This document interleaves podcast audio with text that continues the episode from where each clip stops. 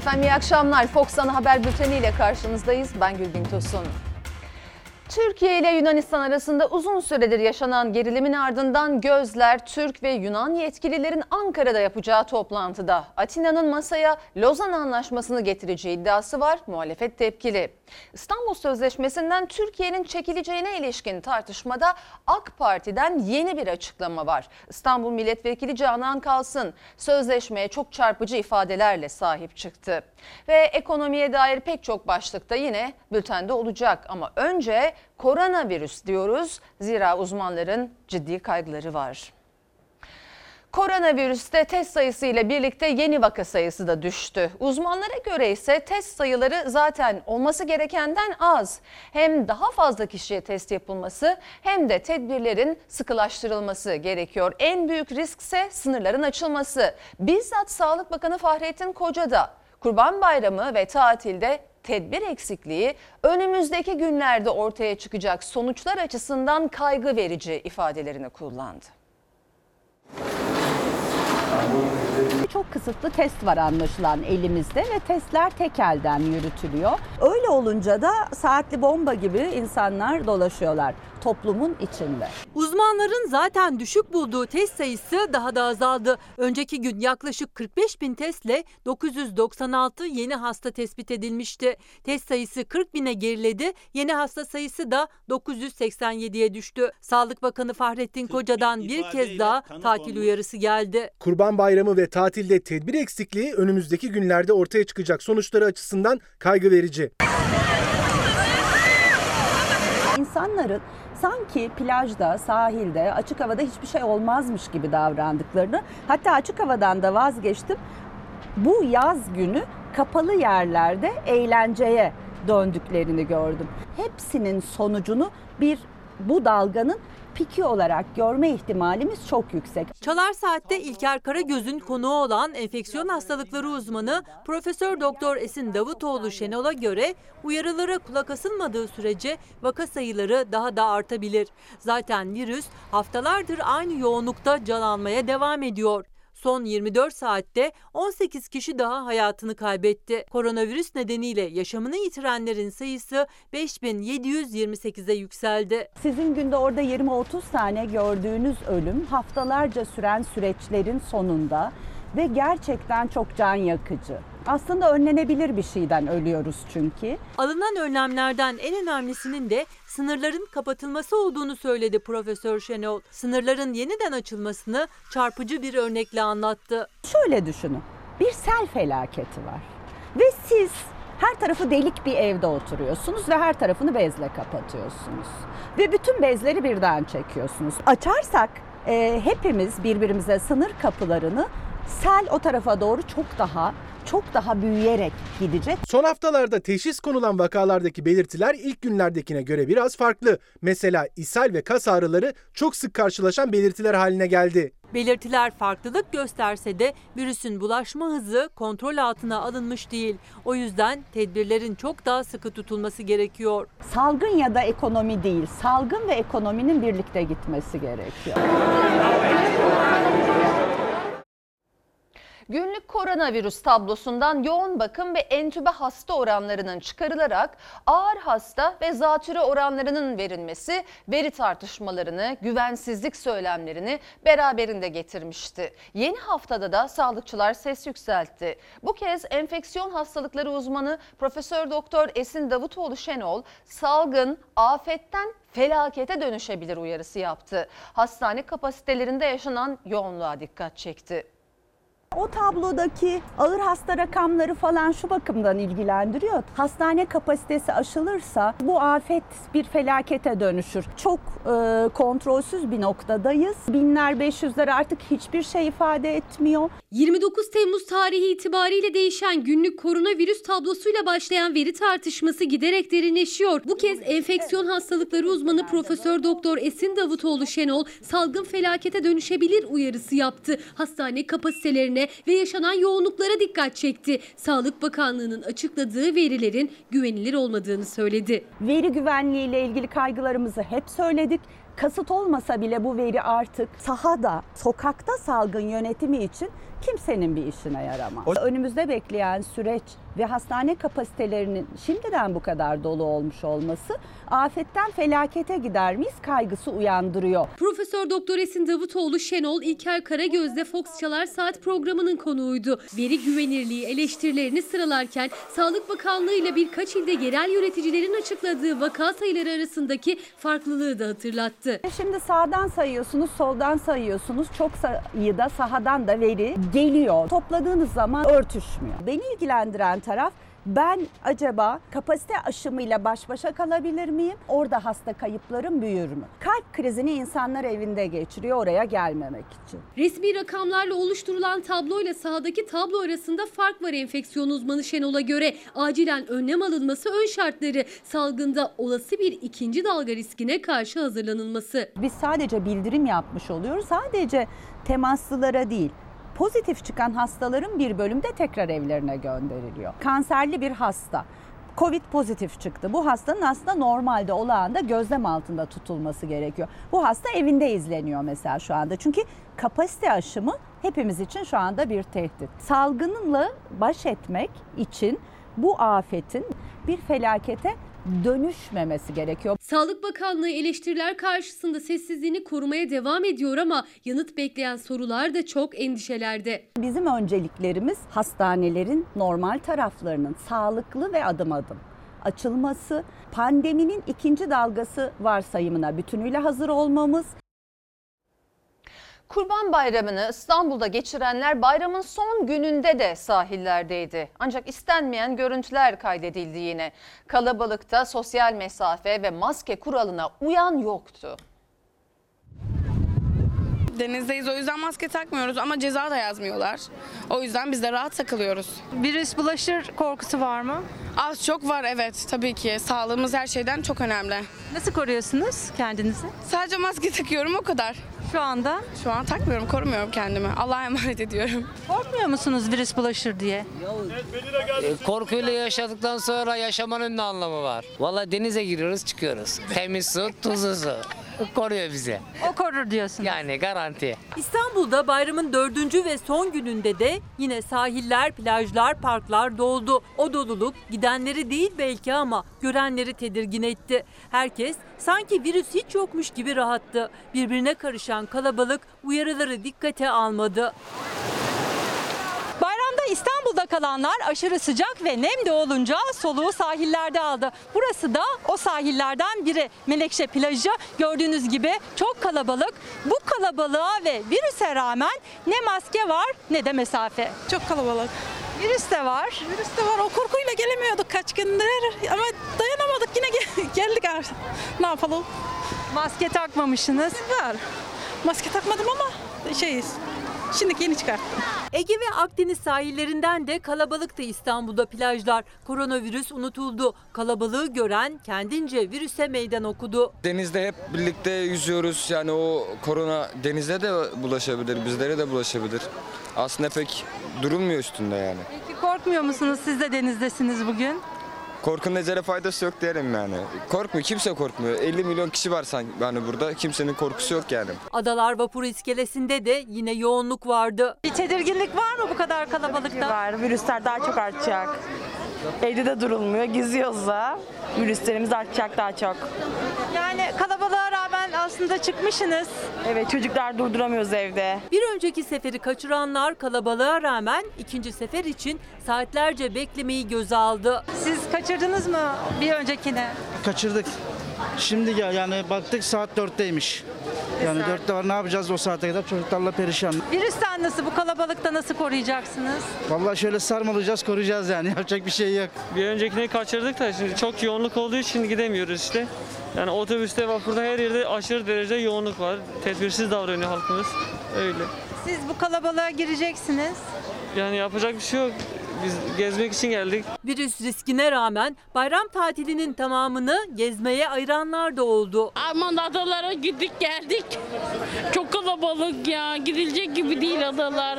Tıklım tıklım. Ne zaman gittiniz adalara? Adaları dört gündür gidiyoruz işte bayramdan dolayı. Geziyoruz. Çok kalabalık ya. Gidilecek gibi değil. İstanbul'un kalbi İstiklal Caddesi de gece de gündüz de kalabalıktı. Bebek sahili Belgrad Ormanı'nda da bayramın dördüncü gününde manzara değişmedi. Bayramın son günü tüm yurtta da sahillerde bildik manzaralar yaşandı. Plajlarda adım atacak yer kalmadı.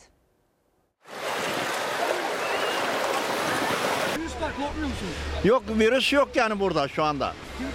Giriyorlar baksana. Girdikleri için biz de giriyoruz yani. Sosyal mesafe kuralına uyan olmadı. Tatil bölgelerinde plajlar bayramın son gününde de dolup taştı. Ege ve Akdeniz plajları Kurban Bayramı ile birlikte tatilcilerin akınına uğradı. Çeşme'de yaşanan bu görüntülerin ardından Sağlık Bakanı Fahrettin Koca'nın birinci dalga sahillere indi uyarısı da fayda etmedi. Bayramın son günü sahil yörelerinde yine bildik görüntüler yaşandı. Üç günden beri buradayız. Çok güzel memnunuz yani. Muğla Akyaka'da günübirlik tatilciler doğa cenneti bölgeye girebilmek için birbirleriyle yarıştı. Kilometrelerce araç kuyruğu oluştu. Jandarma aşırı yoğunluk nedeniyle bölgeye girişi kapattı.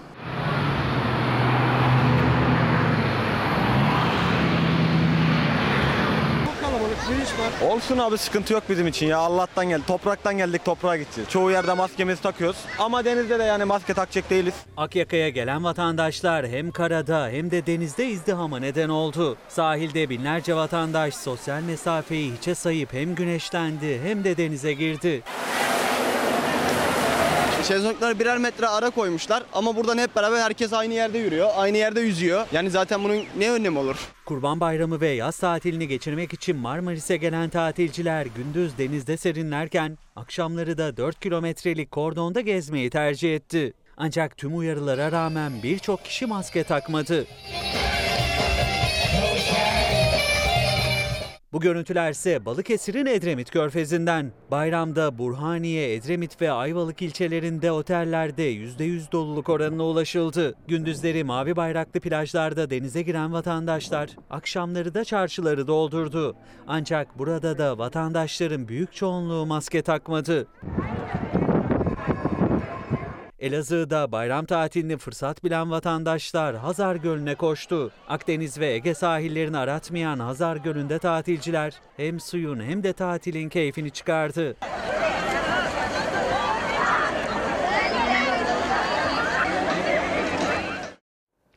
Seyirciler milyonlarca öğrenci ve aileleri yeni eğitim öğretim yılında yüz yüze eğitimin başlayıp başlamayacağını merak ediyor. Milli Eğitim Bakanı Ziya Selçuk net konuşmasa da bazı formüllerden söz etti. Seyreltilmiş eğitim modeli onlardan biri. Ancak Gazi Üniversitesi öğretim üyesi Profesör Doktor Esin Davutoğlu Şenol bugünkü koronavirüs tablosunda okulların açılmasının mümkün olmadığını söyledi. CHP Genel Başkan Yardımcısı Yıldırım Kaya ise özel okulların ücret alabilmesi için okulların açılıp kapanacağı iddiasını meclis gündemine taşıdı. Özel okulların kayıt parası alınıp daha sonra da eğitim öğretime devam edilemiyor. Pandemi koşulları buna el vermiyor deyip uzaktan eğitime mi devam edeceksiniz? Siz bu okulları aç kapa mı yapacaksınız? Okulların açılmasına bir aydan daha az bir zaman kala CHP Genel Başkan Yardımcısı Yıldırım Kaya taşıdı bu iddiayı gündeme. Özel okulların ücretlerini tahsil edebilmeleri için kısa süreliğine yüz yüze eğitime geçilip sonrasında uzaktan eğitimle yola devam edileceği iddiasını sordu Milli Eğitim Bakanı'na. Enfeksiyon hastalıkları uzmanı Esin Davutoğlu Şenolsa bugünkü tabloyla okulların açılmaması gerektiğini söyledi. Okulların açılması mümkün mü?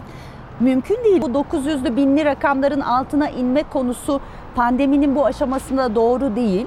Bunun açılabilmesi için 100 binde onların altına inebilmesi lazım. Hiç kimse bugünden okulların Açılacağı hafta ne olacağını bilemez. Pandemi nedeniyle ara verilen yüz yüze eğitime 31 Ağustos'ta başlanacağını duyurdu Milli Eğitim Bakanı. Maskeli mesafeli eğitim nasıl yapılacak sorusu belirsizliğini korurken Bakan Selçuk seyreltilmiş eğitim modelinden söz etti. belirli günlerde okulu açıp mesela diyorum. Bakın meselanın da altını çiziyorum. Pazartesi, salı günü okulları açtık. Bir sınıfın yarısı sınıfa geldi. Çarşamba günü okulu temizledik. Perşembe ve cuma günü diğer yarısı sınıfa geldi. Okulların açılması şu anda hibrit sistem herhalde gerektirecek. 9 yaşın altındaki grubun riski daha düşük. En azından 9 yaş altıyla başlanan bir süreç olabilir.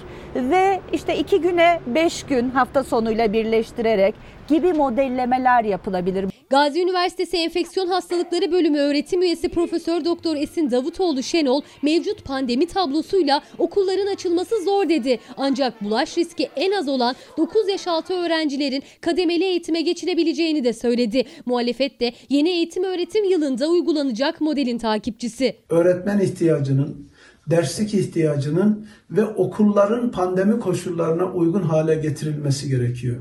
Şu ana kadar bu konuda herhangi bir adım atılmadı. CHP'li Yıldırım Kaya koronavirüsle mücadele sürecinde okullarda altyapı hazırlığının yapılmadığını iddia etti. Yeni eğitim öğretim dönemine sayılı günler kala bir soru önergesiyle konuyu meclis gündemine de taşıdı. Özel okulların eğitim öğretim ücretlerini alabilmeleri için okulların kısa süreliğine açılacağını, sonrasında kapanacağı iddiasını sordu Milli Eğitim Bakanı Ziya Selçuk'a. Eğer özel okulların kayıt parasını aldıktan sonra aç kapa yöntemiyle eğitim öğretime, uzaktan eğitimle devam edilecekse bunun toplum tarafından bilinmesi gerekiyor. Milli Eğitim Bakanı bu iddiaya yanıt vermedi. Yeni eğitim öğretim yılında da uzaktan eğitime geçilirse milyonlarca veli özel okullara ücret ödemeye devam edecek mi? Soru işareti. Dünyayı saran Covid-19 salgınında ölüm ve vaka sayıları hızla artıyor. 18 milyondan fazla kişi virüse yakalandı. Hayatını kaybedenlerin sayısı ise 700 bine yaklaştı. Dünya Sağlık Örgütü koronavirüse karşı aşı bulunamayabileceğini savundu. Amerika Birleşik Devletleri'nden korkutan açıklama geldi. Salgının daha tehlikeli bir evreye girdiği duyuruldu. Covid-19 normalleşme sürecinin ardından birçok ülkeyi zor durumda bıraktı. Dünya genelinde can kayıpları 695 bine yaklaştı. 18 milyon 300 bine yakın kişi virüse yakalandı. 11 milyon 500 bin kişi de hastalığı yenmeyi başardı. Dünya Sağlık Örgütü vakaların her 6 haftada bir iki katına çıktığını açıkladı. Örgütün bir numaralı ismi Gebreyesus, insanları virüsten koruyacak aşıların bulunmasını istediklerini söyledi. Ancak bugün yaşanan tabloya dikkat çekti. There is no silver bullet. at Fakat şu an elimizde Covid-19'u bitirebilecek bir sihirli silah yok ve hiç olmayabilir. Amerika Birleşik Devletleri'nde can kayıpları 158 bini aştı. Trump'ın sağlık danışmanı Deborah Birx yeni bir uyarı yaptı. Salgının farklı ve daha tehlikeli bir evreye girdiğini söyledi. Bunun nedeninin insanların önlem almaması ve hareket halinde olması olduğunu duyurdu. Covid-19 Asya kıtasındaki iki ülkede tırmanışta. Filipinler'de bir gün içinde 3000'den fazla vaka tespit edildi. Tehlikeli artış üzerine başkent Manila ve çevresine daha sıkı kısıtlamalar getirildi. Vietnam'da ise 3 aydan sonra ilk defa geçen hafta vaka görüldü. 3 gün içinde 6 ölüm yaşandı. Alarma geçen ülkede iki şehir karantinaya alındı. Salgın dünya ekonomisini de vurdu. İngiltere'de hükümet zora giren işletmeleri desteklemek için yeni bir program başlattı. Lokantalarda 20 sterline kadar olan hesapların 10 sterlinini ödeme kararı aldı. Bir ay sürecek uygulama haftanın 3 günü geçerli olacak. Bayramın son gününde memleketlerinden İstanbul'a dönenler otogarı yine yerel ürünlerle doldurdu. Hem ucuz hem de doğal olsun diye kasa kasa sebze, bidonlarla kurban eti geldi. Malatya'da geldik. Neler getirdiniz? Kayısı getirdik. Peynir getirdik. Afiyet olsun. Hoş geldiniz. Neler getirdiniz? Ne istiyorsun? Köyde ne gelir mesela? Peynir, yoğurt, et. Ha, gelmişken de boş gelmeyelim. Nasıl tatile gitmiştik bayram için. Boş gelmeyelim. Ne getirdik? Kimse eli boş gelmedi. Bayramı memleketinde geçirenler İstanbul'a kolilerle, kasalarla döndü. Valizlerin içi bile yiyecekle doluydu. Ne getirdiniz? Ne getirdiniz? Kavurma da kavurma kavurma. Nereden geldi? Trabzon'dan. Siz nereden geldiniz? Hatay'dan geldik. Ne getirdiniz? Ne var bunun içinde? Künefe gidecek hali yok. Var mı künefe? Künefe yok. Ne var? Ne var? Yaprak var, keş var. Acılı ekmek var mı? Var. Et var. biber var. Patlıcan var. Hatay'ın kokusu var üzerinde. Sen göster bakalım ne var elinde? Domates. Bu ne bu? Ne bu?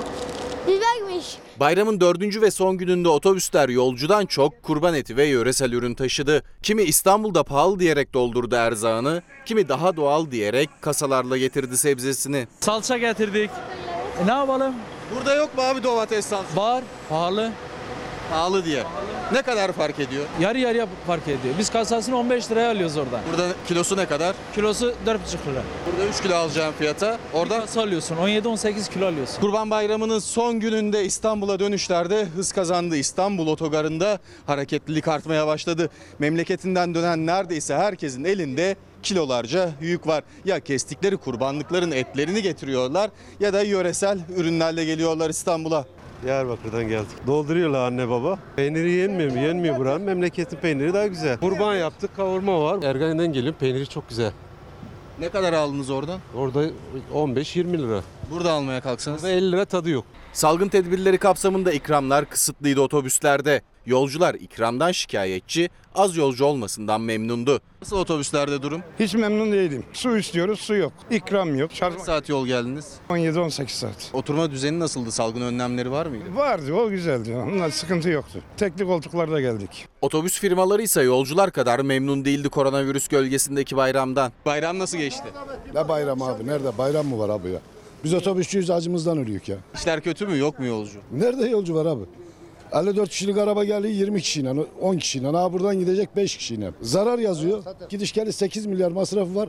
Topladığı para 4 milyar. Yollarda gece başlayan yoğunluk gündüz de gün boyu devam etti. İçişleri Bakanı Süleyman Soylu da dönüş trafiğini yerinde denetledi. Önceki yıllara göre tatil yolunda kazaların azaldığını söyledi. Arefe gününden bugüne kadar 45 vatandaşımız hayatını kaybetti. Mümkün olduğunca gece yola çıkmasınlar.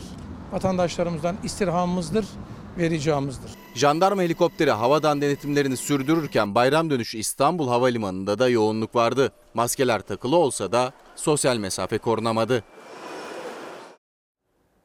Sayın seyirciler her fırsatta Türkiye ile müttefiklik vurgusu yapan Amerika, Suriye'nin doğusunda çok tartışılacak bir adım attı. Amerikalı bir petrol şirketi terör örgütü YPG PKK ile petrol anlaşması imzaladı. Washington yönetimi de anlaşmayı desteklediğini duyurdu. Türk Dışişleri Bakanlığı ise anlaşmanın terörün finansmanı anlamı taşıdığını söyledi. Amerika'yı uyardı. Muhalefet de Türkiye sınırında PKK devletinin kurulmasına yönelik bir hamle olarak yorumladı. İktidara seslendi. Fırat'ın doğusunda kurulmaması gereken, bunun için mücadele verdiğimiz, şehit verdiğimiz PKK devleti Amerikalı bir şirketle petrol anlaşması yaparak zımnen kurulmuş oldu. Amerikalı petrol şirketiyle terör örgütü YPG PKK'nın petrol anlaşmasına muhalefetin yorumu. Dışişleri Bakanlığı da yazılı açıklamayla Amerika'yı kınadı.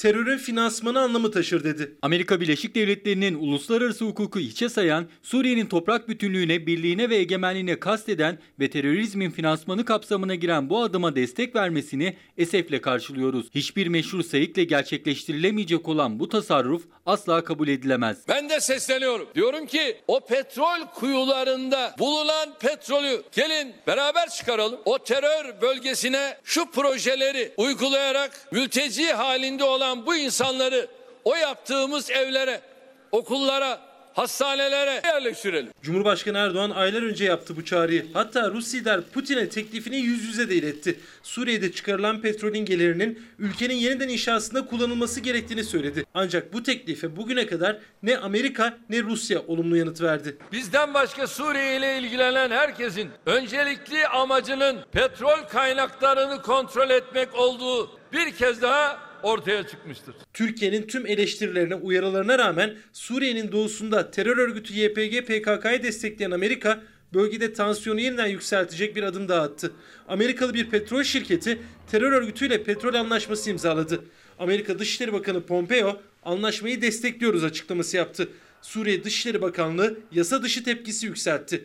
Ankara'da kabul edilemez dedi. PKK-YPG terör örgütü bu adımla Suriye halkının doğal kaynaklarına el koyarak bölücü gündemini ilerletme emelini açıkça gözler önüne sermiştir. Suriye'nin doğal kaynakları Suriye halkına aittir. İşin kötü tarafı Amerikalı yetkililer de bu anlaşmayı onayladıklarını söylediler. ABD PKK ile petrol çıkarma anlaşması yaparak Suriye toprakları üzerinde PKK İslam projesini yeni bir aşamaya taşırken Dışişleri Bakanlığımız esefle kınamış. Tek yapacağınız bu mu? Yoksa kapalı kapılar ardında PKK İstan'a onay mı verdiniz? Aytun Çıray gibi İyi Partili Ümit Özdağ da Amerikalı şirketle terör örgütü arasındaki anlaşmanın Türkiye sınırında PKK devleti kurulmasına yönelik adım olduğunu söyledi.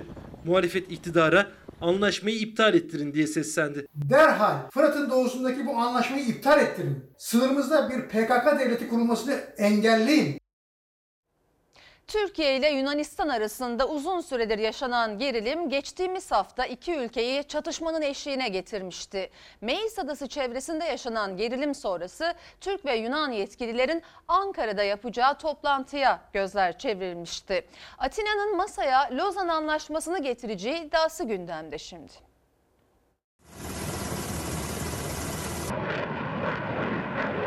Türkiye ile Yunanistan arasında Akdeniz'i ısıtan iki ülkeyi çatışmanın eşiğine getiren gerilim sonrası Ankara'da yapılması beklenen toplantıda Atina'nın Lozan Anlaşması'nı masaya getireceği iddia edildi.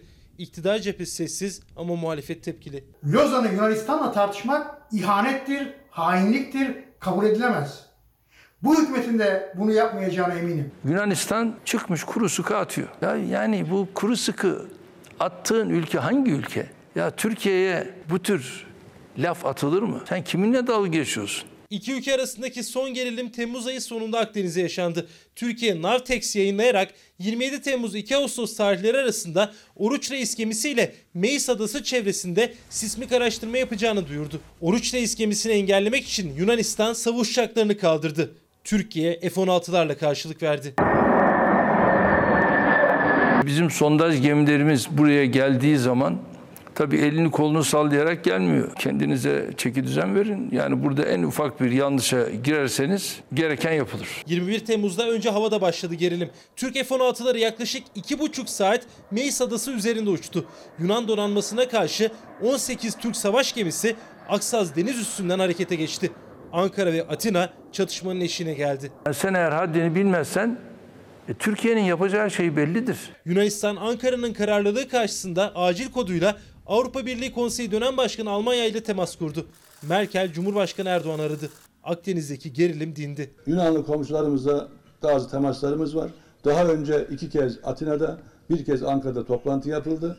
Bunun dördüncüsünün de tekrar Ankara'da, Türkiye'de yapılmasını bekliyoruz. Tarihi belli değil ama Yunan ve Türk yetkililer krizin çözümü için bir kez daha Ankara'da bir araya gelecek. Türkiye, Atina'ya Lozan Anlaşması'na aykırı davrandığını, silahlandırılması yasak olan adaları silahlandırdığını hatırlatacak.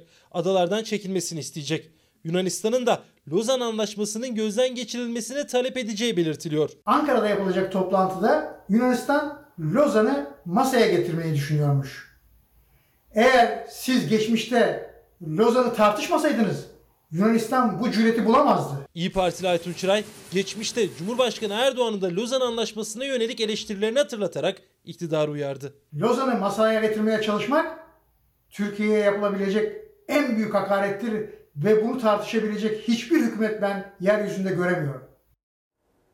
Kadına karşı şiddeti önlemeye yönelik yükümlülükler de içeren İstanbul Sözleşmesi'nden Türkiye'nin çekileceğine ilişkin tartışmada AK Parti cephesinden yeni açıklama geldi. AK Parti İstanbul Milletvekili Canan Kalsın İstanbul Sözleşmesi'ne sahip çıktı ve İstanbul Sözleşmesi'nden çıkalım diye yüksek sesle bağıranlar öldürülen kadınlar çocuklar için ne yapmayı düşünüyorlar diye sordu.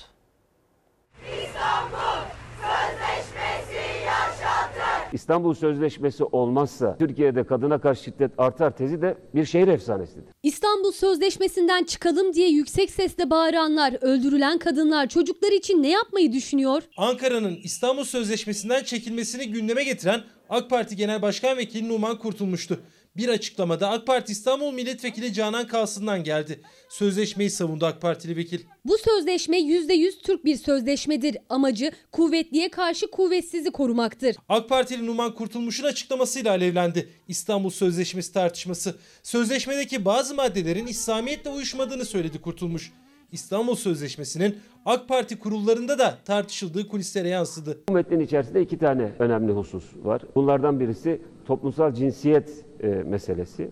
Bir de cinsel yönelim tercihi. Amacı şiddet uygulananı şiddetten korumak olan bir sözleşmenin toplumu bozduğunu söylemek akla ziyan bir tutum ve düşüncedir. Nasıl usulünü yerine getirerek sözleşme imzalanmışsa aynı şekilde usulünü yerine getirerek bu sözleşmeden de çıkılır. Kadına şiddeti besleyen zihniyetle mücadele et diyor bu sözleşme. Yönetiminde Cumhurbaşkanı Erdoğan'ın kızı Sümeyye Erdoğan Bayraktar'la Cumhurbaşkanlığı İletişim Başkanı Fahrettin Altun'un eşinin de olduğu Kadın ve Demokrasi Derneği Kadem'in İstanbul Sözleşmesi'ni savunmasının ardından son açıklama AK Parti İstanbul Milletvekili Canan Kalsın'dan geldi. Şiddet bütün dünyayı saran ve sarsan bir hastalığa dönüşmüşken aileye polis gelirse o aile artık aile olur mu diyenler kol kırılır yen içinde kalır diye mi düşünüyor? AK Partili kadın vekil Hürriyet gazetesine konuştu. İstanbul Sözleşmesi'ne sahip çıkmalıyız dedi.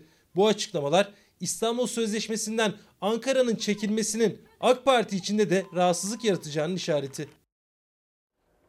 Sayın seyirciler bugüne ait koronavirüs tablosu açıklandı. Arkamda görüyorsunuz. Hemen verilere bakalım. Bugünkü test sayısı 41.301. Düne göre ufak bir yükseliş var. Hasta sayımız 995. Dün 987 idi bu rakam. Bugünkü vefat sayısı 19. Allah'tan rahmet diliyoruz hayatını kaybedenlere. Bugün iyileşen hasta sayımız 1003. Dün 978'di. Ufak bir e, artış var. Toplam test sayısı 4 milyon 927 bin 217'ye ulaştı. Hasta sayımız toplamda 233.851 oldu. Toplam vefat sayısı 5.747'ye ulaştı. Hastalarda zatüre oranı %8,4. Ağır hasta sayısı artık açıklanıyor biliyorsunuz. 580. Toplam iyileşen hasta sayısı 217.497. Son olarak e, Bakan Fahrettin Koca'nın e, mesajını da paylaşalım. Bayram kutlamalarında tatil yerlerinde salgın faktörü ne yazık ki yeterince dikkate alınmadı. Buna benzer bir açıklamayı dün de yapmıştı aktardık daha önce. Diyor ki Bakan Koca daha önce bazı illerle sınırlı olan vaka artışlarının önümüzdeki günlerde ülke geneline yayılmasından endişe duyuyoruz. Dün de kaygı verici bu rakamlar demişti. Tedbirde güç birliğine ihtiyacımız var diye de ekliyor. Ve devam ediyoruz haberlerle. Salgın döneminde canlanan nadir sektörlerden biriydi otomotiv. Düşük faizli kredi kampanyası satışları artırdı. Ancak sektör temsilcileri endişeli çünkü kampanya sona erdi, faizler yeniden yükseldi.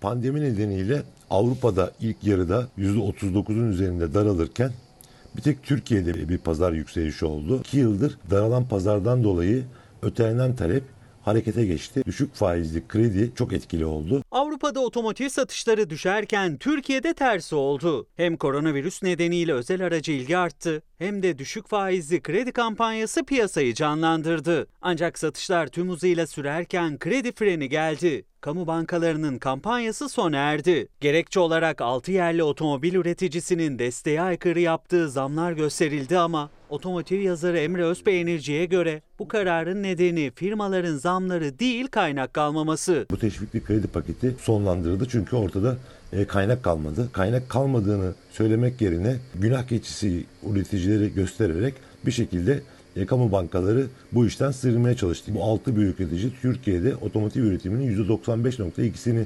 gerçekleştiriyor. Dolayısıyla onlar olmadan bu paketin devam etme olasılığı da yok. Yani paket bir şekilde sonlandırıldı. İkinci el başta olmak üzere otomotiv sektörü son yıllarda hiç olmadığı kadar hareketli. Çünkü salgın sonrası otomobile talep patladı. Piyasada sıfır otomobil azaldı. İkinci el değerine değer kattı. Ancak kredi kampanyasının sona ermesiyle faizler yeniden neredeyse iki katına çıktı. Eskiden telefon trafiğimiz çok fazla yoktu. Bu kredi kampanyası insanlar teşvik edip buraya getiriyordu. İnsanlar haliyle diyordu ki 0.90'larla kredi ekilmektense 0.69'u tercih edelim. Bu teşviğin devam etmesini bekliyorduk açıkçası. Hem otomotiv sektörüne büyük bir hareket getirecekti hem de insanların kesesine avantaj sağlayacaktı. Devam etmeli tabii. Onun için ortalıkta araba kalmayınca ikinci el aldı başını gitti. Özellikle koronavirüs salgınının ardından otomobile talep arttı. Bulunduğumuz bayide sıfır otomobil yok. Bugün sipariş verirseniz firma ancak Kasım ayında otomobili teslim edebileceğini söylüyor. 6 ay önce 159 bin liraya satılan bu otomobil şimdi 183 bin lira. Kasım ayı içinse dövizdeki dalgalanma hesaba katılarak firma fiyat garantisi veremiyor. Dövizin ne olacağı belli değil pariteye baktığınızda. Bir %10'luk bir artış olabilir. Talep var ama destek yok diyen sektör temsilcileri bir kez daha başta vergi indirimi olmak üzere destek paketi bekliyor. Bizim de beklentimiz bu kredinin yine devam etmesi. Hatta biraz daha ileri gidersek ÖTV'de ve KDV'de de destek bekliyoruz. Çünkü 3 yıldır bir, çok fazla bir hareket görmedik. Desteklerin fazlasını görmek istiyoruz. Koronavirüs salgınında part-time yani yarı zamanlı çalışanlar canla başla alın teri döküyor ama emeklili, emeklerinin karşılığını alamıyorlar. Alışveriş merkezlerinde örgütlü Tezkop İş Sendikası'na göre fazla mesaiye bırakılan yarı zamanlı çalışanların çoğuna bunun için ödeme de yapılmıyor. AVM'ler açıldıktan, işçiler çalışmaya başladıktan sonra part-time çalışanlar fazla çalışmaya zorlanmakta, mesai ücretleri ödenmemektedir. Part-time yani yarı zamanlı çalışıyorlar ama çoğu kağıt üstünde. Zaten az kazanıyorlar, üstüne bir de mesaiye kalıyorlar. Karşılığını ise alamıyorlar. Part-time çalışanların çoğunluğu AVM'lerde çalışıyor ve bu çalışanların büyük çoğunluğu da kadın ve genç emeği üzerinde yoğunlaşmaktadır. Özellikle alışveriş merkezlerinde part-time yani yarı zamanlı çalışanların sayısı oldukça fazla. Salgınla beraber çalışma koşulları biraz daha ağırlaştı. Tam zamanlı yani kadrolu olarak çalışanlar için değişen pek bir şey olmasa da yarı zamanlı part-time çalışanlar daha fazla mesai yapmak zorunda bırakıldı. Alışveriş merkezlerinde örgütlü Teskopis Sendikası'na göre yarı zamanlı çalışanlar zaten salgından önce de zor geçiniyordu. Ancak sıkıntıları koronavirüsle birlikte katlandı. AVM çalışanlarının çok büyük bir toplamı genç işçilerden oluşmaktadır. Şimdi genç işçilerin en önemli sorunlarından bir tanesi 450 gün sayısını tamamlayamamak, tamamlayamamış olmak. Dolayısıyla bu insanlar çalışma ödeneğinden faydalanamama noktasında kalıyorlar. Kısmi olarak ücret ödenenler ise içeriye borçlandırılmak zorunda kalıyor. Çoğu yarı zamanlı çalışan son 3 yılda 450 prim gününü dolduramadığı için kısa çalışma ödeneğinden de yararlanamadı. Alışveriş merkezleri açılana kadar günlük 39 lirayla yani asgari ücretin yarısıyla geçinmeye çalıştılar. AVM'ler açılınca da mesailerinin kaçta biteceğini kestiremez oldular. Part-time çalışanların çoğu aslında kadınlardan ve üniversite öğrencilerinden oluşuyor. Onlar okullarından ve ev işlerinden kalan zamanlarda çalışmak zorundalar. Ama pandemi sürecinde fazla mesai yaptırılan part-time çalışanların işleri bu süreçte daha da zorlaşmış oldu. Part-time çalışanlar işçi kıyımı yaşanacağı zaman kendilerinden başlanacağının farkındalar. Çalışanlar işleriyle sağlıkları arasında bir tercih yapmak zorunda bırakılmaktadırlar. 17 Eylül'e kadar işten çıkarmalar yasak. Sonrasında işsiz kalmamak için mevcut şartlara ses çıkaramıyor yarı zamanlı çalışanlar. Merkezi hükümetin, işverenlerin adım atması gerekmektedir. Türkiye'de AVM çalışanları şu anda şu, şu çalışma koşullarında koronavirüs salgınına karşı savunmasız bırakılmıştır. Konut sektörü düşük faizli kredi kampanyasıyla hareketlenir gibi oldu ama ev sahibi olmak isteyen dar gelirli bundan pek faydalanamadı. Çünkü faiz oranları düşünce ev fiyatları yükseldi. İstanbul İstatistik Ofisi'ne göre ev fiyatlarındaki artış geçen yıla göre %16.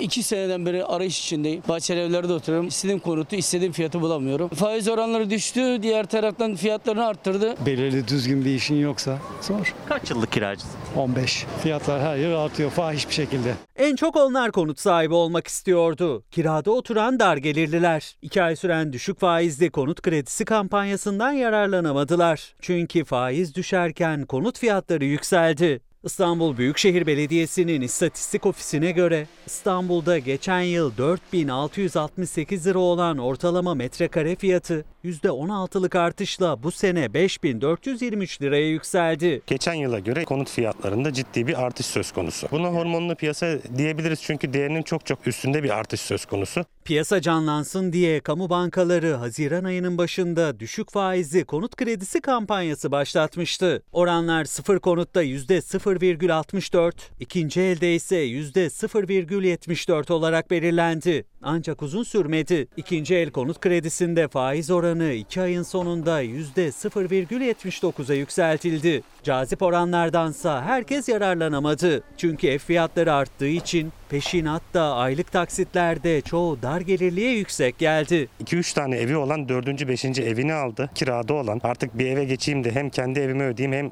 bitince benim olsun diyen kişiler maalesef hayallerini biraz daha ertelediler. Gerçekten parası olana yaradı bu süreç. Bizim çevremizde daha çok ikinci, üçüncü evini alanlar oluşuyor daha çok. Bilhassa bankada parası olanlara bu işlerine yaradı. Veriler İstanbul'da konutun metrekare bedelinin 5423 lira olduğunu gösteriyor. Bu hesapla 80 metrekare bir evin fiyatı 433 bin lira. Tabi bu rakam semtine, binanın yaşına göre değişiyor.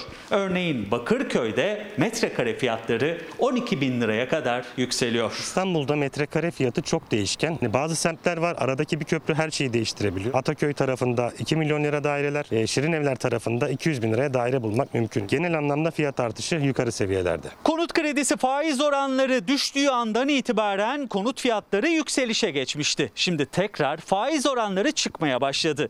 Bu iki durum özellikle ev sahibi olmak isteyen dar gelirlinin bu hayalini bir süre daha erteleyeceği anlamına geliyor. Erteleyenler de var. Sonunun nereye gitti, gittiğini bilmedikleri için erteliyorlar. Faiz oranları yükselirken bir sene erteleme seçeneği de kaldırıldı. Kredi vade süresi 120 ayla kısıtlandı. Bu da bir diğer handikap ev almak isteyenler için. Erteleyen oldu. Önümü göremiyorum, ticaret yapıyorum diyen birkaç kişi vardı. Daha ileri bir tarihi ertelediler. Hakkari'nin Yüksekova ilçesinde öğretmenleri taşıyan araç uçuruma devrildi. Cilosat Dağları bölgesine pikniğe giden milli eğitim personeli ve sivillerin bulunduğu minibüs şarampole yuvarlandı. Kazada ikisi ücretli öğretmen 6 kişi hayatını kaybetti, bir kişi de yaralandı. Sabah 9.45 civarı üzücü bir haberle sarsıldık. Pikniğe giden vatandaşlarımızın kaza yapmasıyla 6 vatandaşımızın vefat haberini öğrendik. Piknik yolculuğu faciayla bitti. Uçuruma yuvarlanan pikapta ikisi öğretmen, 6 kişi hayatını kaybetti.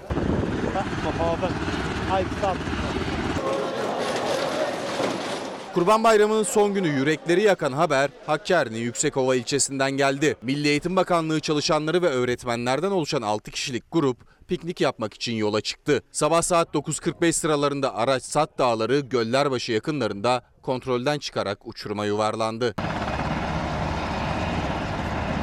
Kaza frenin boşalması, patlaması ya da şoför hatası mı onlar araştırıyor. Milli Eğitim camiamızın, milletimizin başı sağ olsun. Korkunç kazada Aysuner, Semra Varol, Çimen Özçük, Evin Yazgan, Savaş Bayram ve Meryem Renda hayatını kaybetti. Araç şoförü Mustafa Nasırlıoğlu ise yaralı olarak kurtuldu. Kaza sonrası bölgeye ambulans ve helikopterler sevk edildi. Yakınlarından haber almak için hastaneye koşan vatandaşlar acı haberle gözyaşlarına boğuldu. Kaza sonrası Hakkari valisi İdris Akbıyık, kazada yakınlarını kaybeden aileleri ziyaret etti.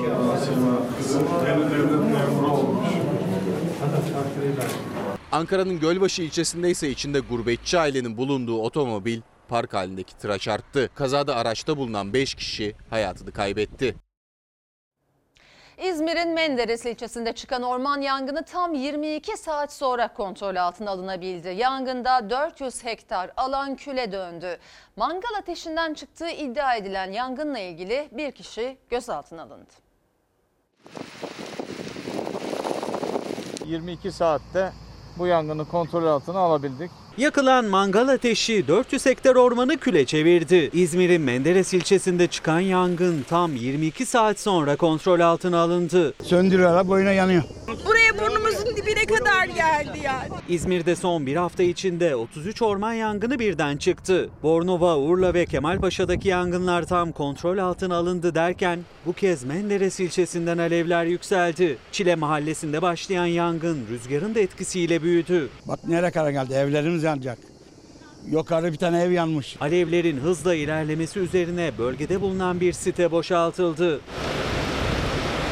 Vallahi her şey Allah'tan. İnşallah kurtulur bir şey olmaz. Yangına 2 uçak, 18 helikopterle havadan, 85 arazöz, 11 dozer ve 250 personelle karadan müdahale edildi. 400 hektar alanın küle döndüğü yangın 22 saat süren çaba sonunda kontrol altına alındı.